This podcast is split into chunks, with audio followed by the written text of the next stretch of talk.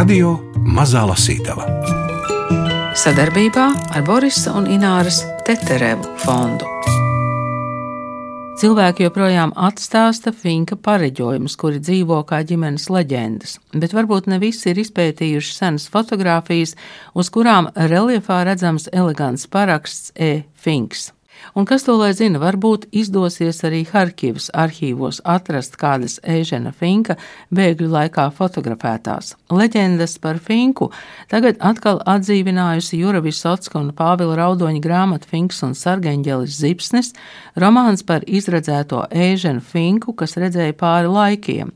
Savukārt Finka fotogrāfa ceļu ir pētījis fotovēsturnieks Pēters Korsaks. Ar viņu arī šoreiz tiekamies, bet fragmentus par Ēženu Finku lasīs Gundars Sāboliņš.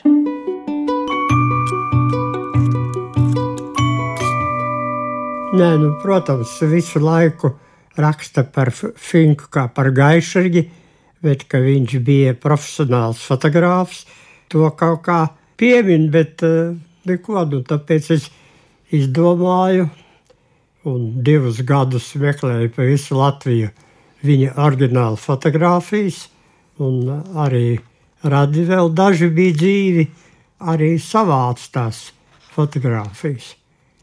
Vai uz tām fotografijām bija paraksts Finks? Jā, jā, tas ir tāds, es domāju, ļoti izcils, izdomāts viņa paraksts, jā, tāds dizainisks, un uh, nekad nevar kļūdīties, jo lielākā daļai arī nav to parakstu, kas ir fotogrāfs, ja viņš ir vairāk amatieris vai kā. Bet, bet Finkam ir visām bildēm. Jā. Finks eh, sāk mācīties fotografiju, vai jums ir tāds priekšstats, kāpēc tieši fotografija? Jo mēs zinām, ka viņam tur ir tāda cirka pieredze jau. Nu, jā, tā kā laikam sakarā ar to cirku, ka viņš tur ir it kā traumēts ir bijis. Viņš eh, no Limbažiem netālu ir Valmiera, un tad viņš devies Valmierā pie viena arī izcila fotogrāfa, Sarkagali mācīties par fotogrāfu. Un viņš arī visu savu mūžu arī tam veltīja. Jā. Finks un Sargaņģelis, Zipsnis. Romāns par izredzēto Ežanu Finku, kas redzēja pāri laikiem. Pirmais pareģojums 1897. gads. Peldēt un slīgt, grūtā stāvoklī iestikt. Šai baranka. Kaimiņu Anna stiepja kārdinošu baranku, mazie baltie pirkstiņi spīd vasaras saulē. Kā var būt tik baltas rokas vasaras vidū? Es pasniedzos pretī un redzu, cik netīra ir mana roka, kuru šķiet nav ūdeni redzējusi. Gribu to atraut atpakaļ, taču par vēlu. Baranka ir manā smulīgajā ķetnā. Māte no tirgus atveda. Viņa klusu piesaka: Vai tad tava māte uz tirgu brauc? Es muļķīgi runāju pretī, jo viss taču zina, ka Zente ir kārtīga tirgus sieva. Es tiešām jūtos samulsis, jo Anna mani cienā pirmo reizi. Mēs esam auguši kopā kā kaimiņu sēdz bērni, dārzielā spēlējušies un daudzījušies kopīgā pagalmā, svešos dārzos lasījuši ābolus, reizē uzsākuši skolas gaitas un svētdienās ar mūsu mamām sēdējuši blakus baznīcas solos. 12 vasaras esam bijuši kaimiņos, turpat arī rosījušies mūsu vecāki un citi bērni. Mūsu mazpilsētas dzīve ir griezusies ap mums kā karuselis, kura centrā esam mēs, dārza ielas bērni. Taču šodien mēs esam mulsinoši vieni mūsu putekļainajā pagalmā, it kā šajā vasaras pēcpusdienā visi būtu aizgājuši diendusā.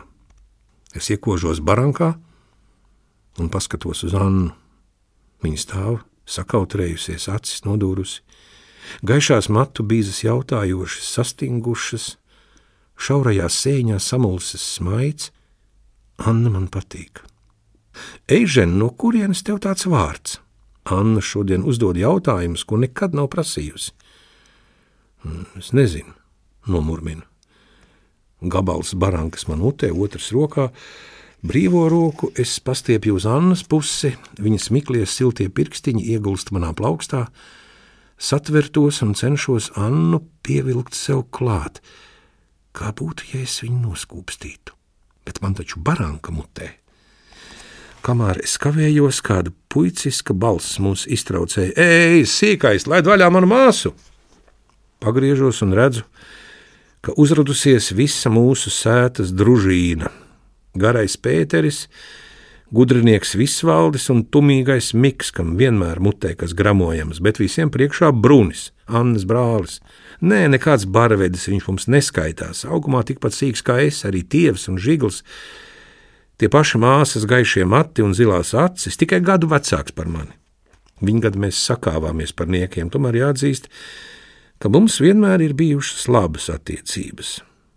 Brūnis ir ieņēmis kaujas pozu un raugās uz mani izaicinoši. Anna pakāpjas soli atpakaļ un Brunim mierīgi pasaka: Tevi zenta meklēja. Viņu ģimenē iegājies māte saukt vārdā Zenta un viss. Visvaldes iestarpina: Te vairs nav interesanti, laižam uz upi peldēt. Pārējie šķiet piekrīt un griežas uz promiešanu. Arī Brūnis pagriežas uz promiešanu. Es neesmu teicis ne vārda, tad pēkšņi man galvā ir sakāmais. Tas dzimst no tās melnās čūskas, kas kā ēna ir apvijusies ap bruni. Nedomāju par sakām, bet spļauju ārā.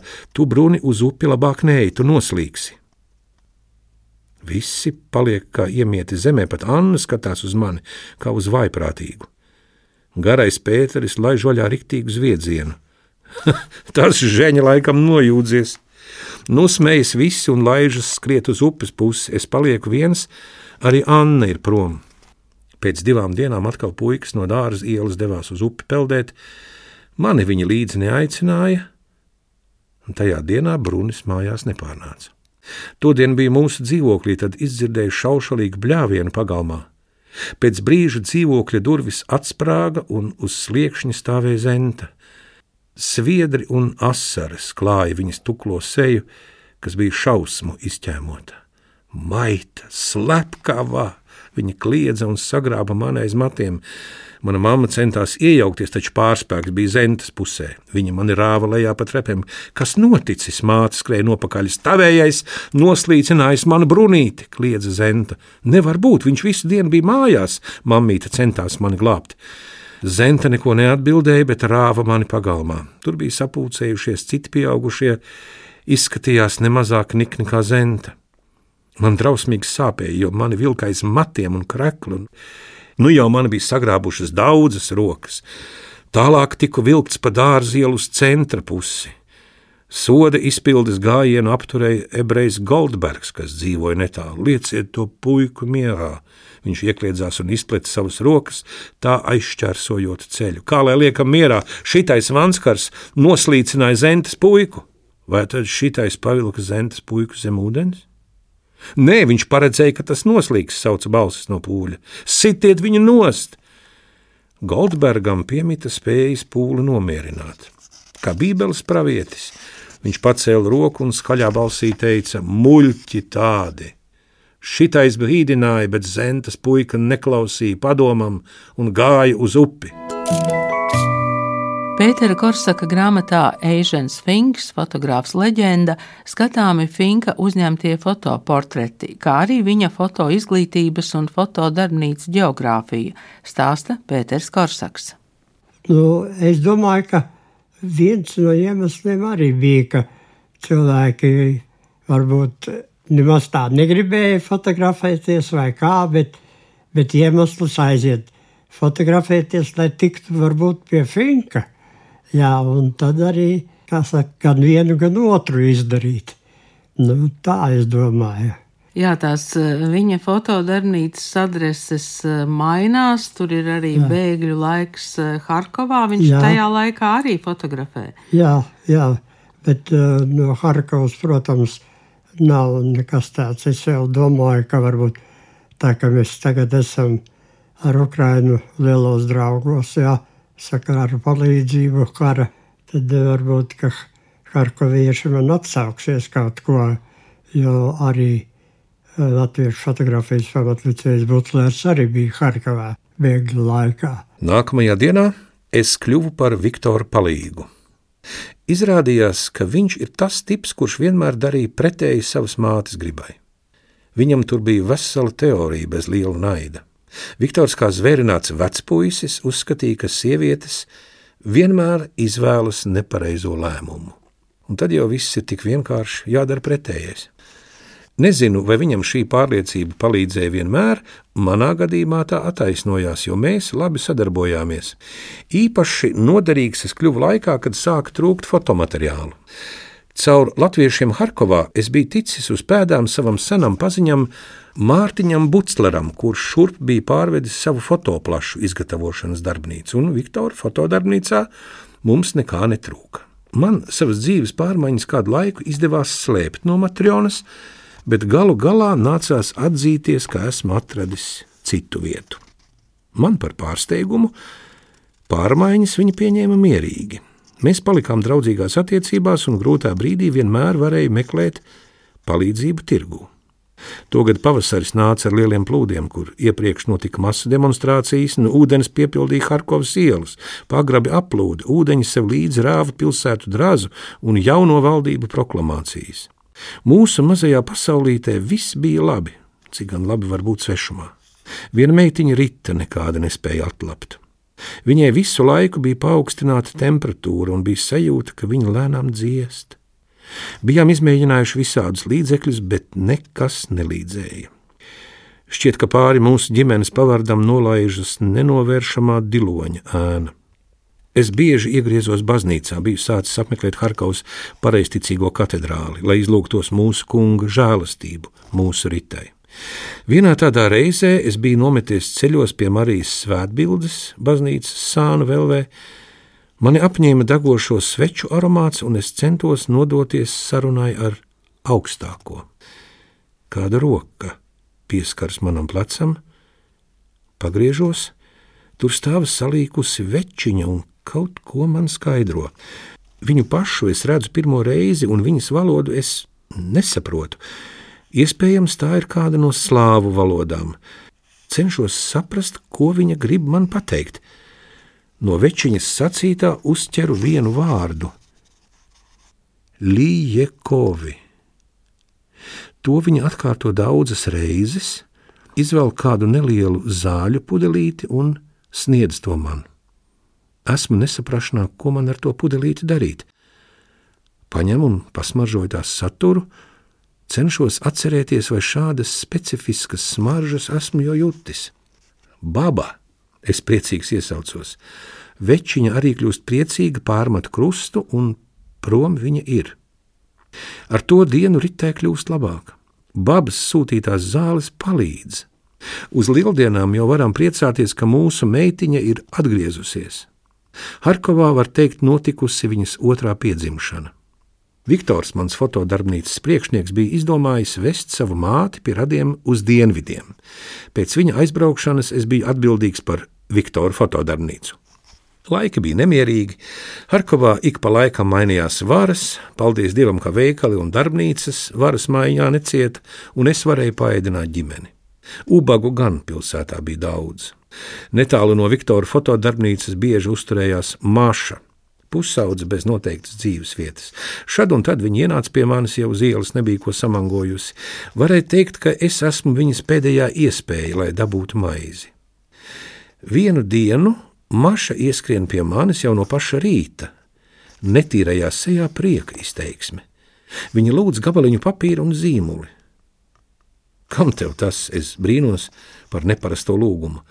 Tur, uz pretējā stūra, kāds students dala kūkas. Kāpēc dāļā? Es nesapratu. Viņš dod tikai tiem, kuri iesniedz papīru ar uzrakstu, lai dzīvo revolūcija. Izrāva no kalendāra vecu lapu, no Viktora rakstām galda paķēra zīmuļgalu un līdz ar mašu izskrēja uz ielas. Patiesi uz ielas pretējā stūra stāv kāds jauneklis, kura studenta naģene piesedza garus blondus matus un rokās tur lielu kasti ar kūkām. Meistar, kā jāraksta, lai dzīvo revolūcija?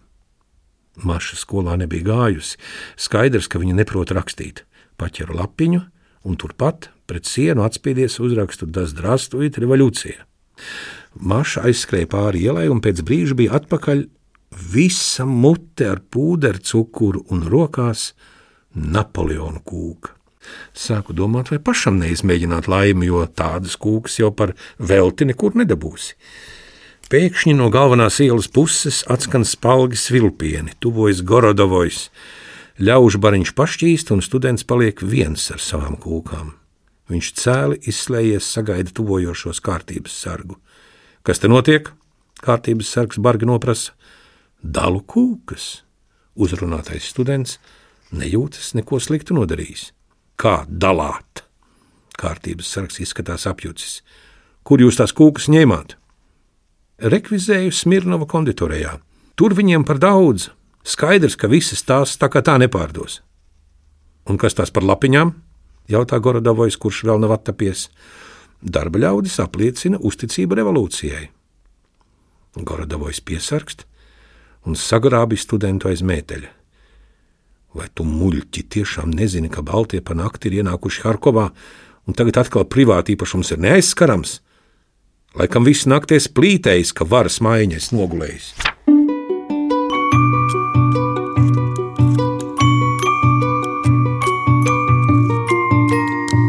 Radio Mazā Lasītava. Tā kā mums tās uh, Ukrainas fotografijas nav, ja, kas ir tajā Nē. laikā fotografētas. Vai jūs vēl kaut ko varat pateikt? Es, kā nav? Kā nav? Mēģināju sameklēt, kas ir noticis ar Finka dēlu Klaudiju. Radi pat lāga nezināja, ka viņš ir bijis iesaukts Latviešu reģionā. Un tad Vācijā tikām meklējuši, vai ir kāda ziņa, kur tad viņš ir kritis vai, vai gūstā. Bet izrādās, ka nevienā no trim nodaļām, trīs mēnešus mēs meklējām. Ja, nekur nav ziņu arī Vācijā. Mani pārsteidza tas, kā eh, tik eh, dažādi šie cilvēki ir gājuši fotografēties. Un, un īpaši man pārsteidza tas, ka divi Latvijas kara ordeņa kavalieri ir fotografējušies, jā, un slaveni pie tam. Jā, arī bērni ir vesti fotografēt. Jā. Jā, mēs pēc tam fotografijām varam redzēt. Un arī Latvijas rādio diktori un zēniece Mirza Čempe. Jums ir pat divas fotogrāfijas. Jā, jā tas arī interesanti. Jā. Un mākslinieki ir dažādi šie cilvēki, bet nu, laikam jau patika viņa fotografijas. Es domāju, ka portreti nav slikti salīdzinot ar tiem, kurus es pārzinu lielāko tiesu mūsu latviešu klasiķi, jā, kas bija portretisti. Ceturdaļa gadsimta jubileja - dzert alu, kāzas. Sensācija, sensācija! Avīžu puika skaļi noskandina, skriedams no vērmaņu dārza uz latviešu biedrības nama pusi. Lai šodien avīzes paliek nelasītas, 25 gadi no mūža ir jāatzīmē draugu un radu pulkā. Ar nosacījumu, ja tev tāda ir. Ja nav, tad jāmeklē putnu biedēklis, pudeles brālis vai striķis. Radi man dzīvo laukos un uz Rīgu nebrauks. Bārenim radi ir lauku stradi. Pasmējos pie sevis, jo garstāvoklis man ir labs. Jāņu dienas gaisma līst pāri Rīgai kā piens no slaucenes. Nevienam rīzniekam nav jāsteidzas, jo dienas garas un laiks silts. Paldies Dievam, draugi man ir! Jānis un Dmitrijs, ar viņiem tad arī dzimšanas dienu nosvinēsim. Sākums mums norunāts Vērmeņdārza restorāna paviljonā, kuru, godīgi sakot, vēl neesmu apmeklējis. Vērmeņdārza jauno pusaugu koku lapotni piesac gājējis no saules stariem, bet pie strūklakas saulē karsē. Pats restorāna paviljons ir grezna koka ēka, kurai gan vasarā maz piekrišanas. Visi cenšas ieņemt vietas brīvā dabā plašajā terasē ar daudziem galdiņiem.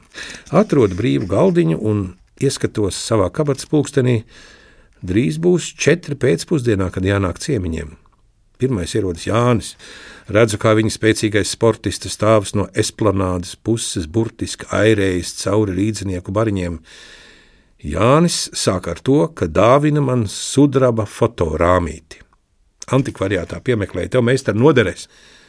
Paldies, uztaisīsim kopējo bildi un glabāšu uz rakstām galdu. Es pateicos dāvanu pieņemot. Jānis ir mans pirmais māceklis. Kad iekārtojas sava Kalnsiem ielas salonu, tad no ekspedītoru kompānijas atsūtīja Jāni ar viņu krustēvu, lai pārvestu skapi. Tā mēs iepazināmies. Drīz Jānis atgriezās pie manis ar priekšlikumu, lai es viņu pieņemtu par mācekli.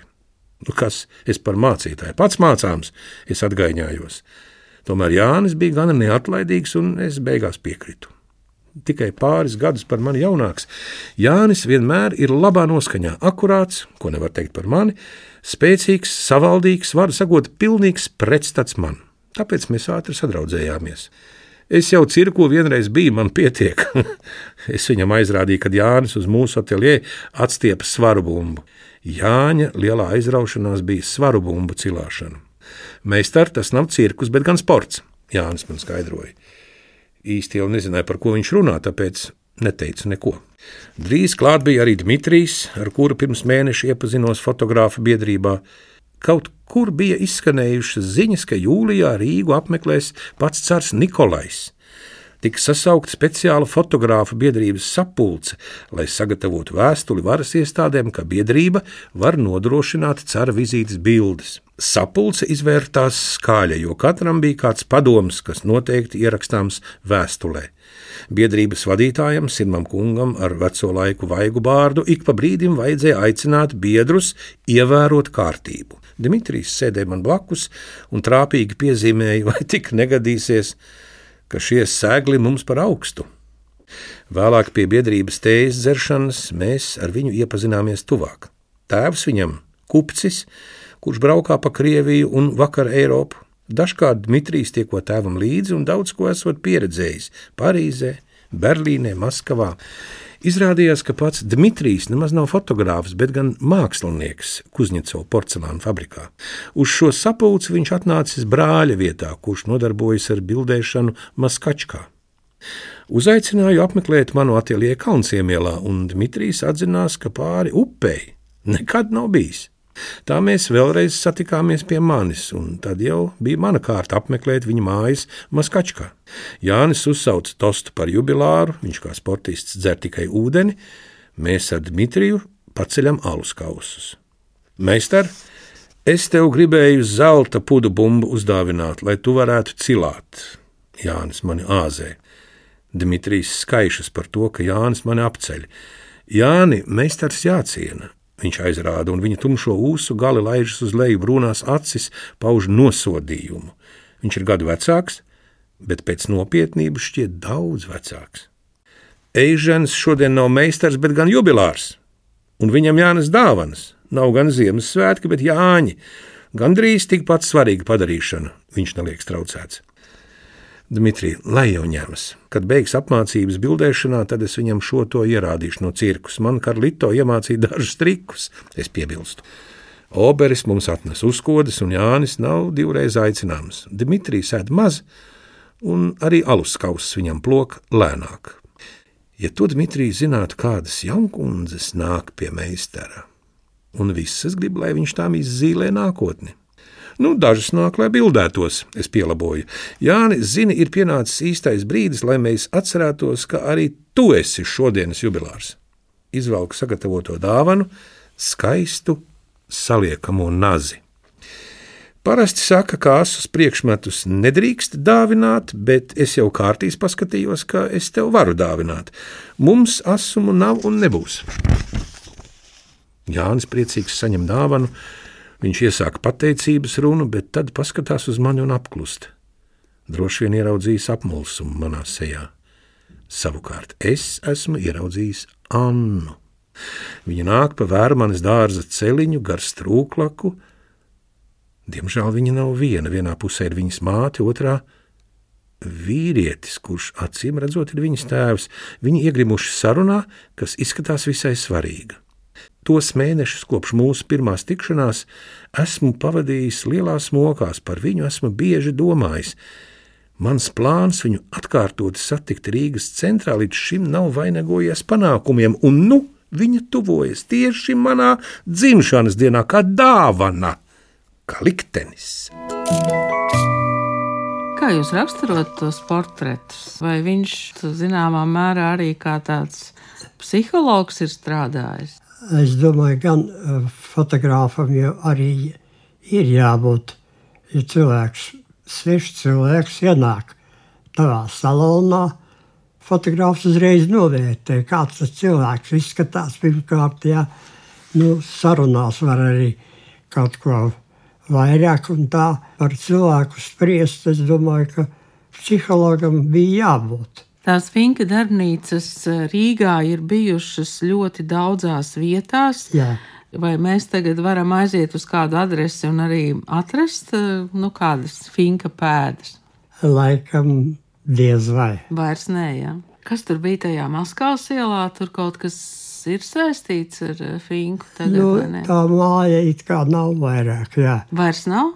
Jā, jā tur man draugs pēc manas institīvas bija iedomājies, ja eh, tur, kur viņš tagad dzīvo, tās nēsošās mājas vietā ir šis viņa numurs. Un viņš tur vienu brīdi tā kā taisīja tādus pasākumus. Finka māju, jā. Jā, viņš tā kā bija iecerējis varbūt kaut ko vairāk izlikt, izstādīt un tā. eh, Sarīkoja arī vairākus pasākumus. Es arī piedalījos, jā. Un tad mēs ar, ar Gati esam sarīkojuši Finkam veltītas trīs izstādes. Un viena bija Limbežu pilsētas svētkos. Es tēloju sarkangalvi fotogrāfu un, un Gatis bija tas Finks, kurš zīlēja. Viņš tāds diezgan arī izskatās. Un Finku mēs esam viņa vārda dienā, Eižena vārda dienā godinājuši. Jā, tepat eh, koka Rīgā bija izstāde ar, ar lielām palielinātām bildēm. Tagad ir arī grāmata, Ežens Finks, fotogrāfs, leģenda. Vai tā jūsu interese vēl turpinās par Finku? Garām jau nelaiž, ja, ja ir kāda iespēja. Ja. Tautā cilvēki atcerās no saviem vecākiem. Viens otrs vēl tagad zina pastāstīt, ko tad mammai vai tēvam ir izzīmējis Finks. Mm -hmm. Jā, tā kā atradu arī tagad divas fotogrāfijas, kur parasti grupas viņš nefotografē, bet tā kā viņa meita beidza, laikam, tagad nezinu, vai pamatskolu vai vidusskolu, tad viņš ir tādu nelielu grupiņu fotografējis. Un nav rakstīts Finks, bet Eižens. Tā kā nu, tādi, tādi atradumi vēl arī gadās. Jā. Joprojām aicinot pārskatīt eh, savus ģimenes albumus un fotografiju kastes, jo varbūt uz kādas no fotografijām ir elegantais paraksts E-Finks, šodien lasījām Jumavas izdoto grāmatu Finks Zipsnis un ieskatījāmies Pētera Korsaka grāmatā publicētajos Eižena Finka fotoportretos. Kas to lai zina, vai cilvēki pie viņa nāca pēc pareģojumiem vai pēc fotografijām, bet Pēters Korsaks atzīst, ka fotoportreti ir ļoti interesanti un ar savu nesajaucamu rokrakstu.